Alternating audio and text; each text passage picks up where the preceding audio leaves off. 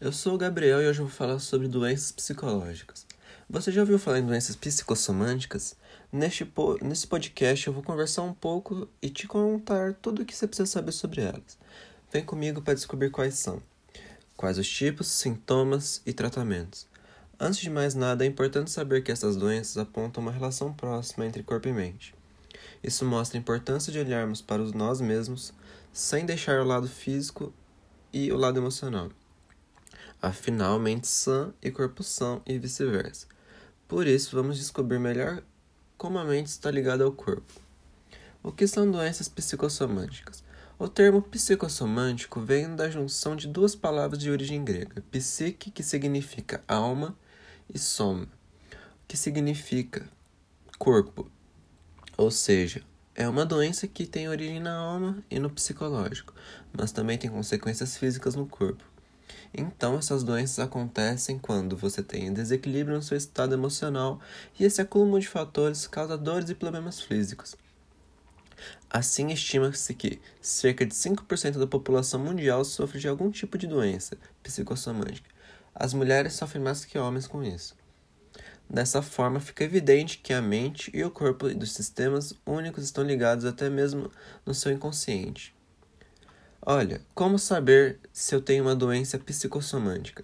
Geralmente você percebe primeiro a doença física e apenas depois de investigar com o médico pode-se avaliar se a causa é fator psicológico. Além disso, nessas doenças, as situações de estresse e pressão emocional podem mudar a força dos sintomas, por isso fique atento e pratique autoconhecimento.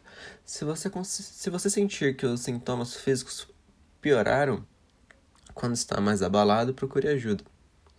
Há uma série de listas que podem te ajudar a saber se você passa ou não por transtorno de sintomas somânticos. O que causa esse tipo de doença? Não há uma regra, mas os fatores psicológicos podem ser um dos motivos para alguém desenvolver uma doença. É, mas em geral, mudanças significativas que passamos em nossa vida podem influenciar nisso. Conheça algumas, por exemplo é, problemas profissionais, traumas e eventos marcantes, ou seja, problemas familiares, perda de entes queridos e traumas de infância. Violência psicológica, como abuso e conflitos amorosos, bullying na escola e violência doméstica. Também tem ansiedade e tristeza.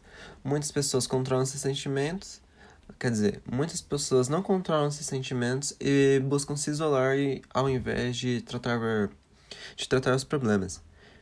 É, os sintomas é estresse, ansiedade, impaciência, problemas de concentração, sensação de cansaço ou de pouca energia. Também tem, em alguns casos, dificuldade para dormir. Esses foram sintomas psicológicos, mas também tem os sintomas físicos, como, por exemplo, dores de cabeça, nas costas ou braços e articulações. Baixa imunidade, queda de cabelo, insônia, tensão muscular, e problemas no estômago. É, alguns exemplos de doenças psicossomânticas são é, sistemas nervosos como enxaqueca, dores na vista, dormência, formigamentos e estimulação de doenças neurológicas. Pele, irritação na pele. Tem irritação, coceira e problemas dermatológicos nos músculos e articulação, pode ter dores e tensão.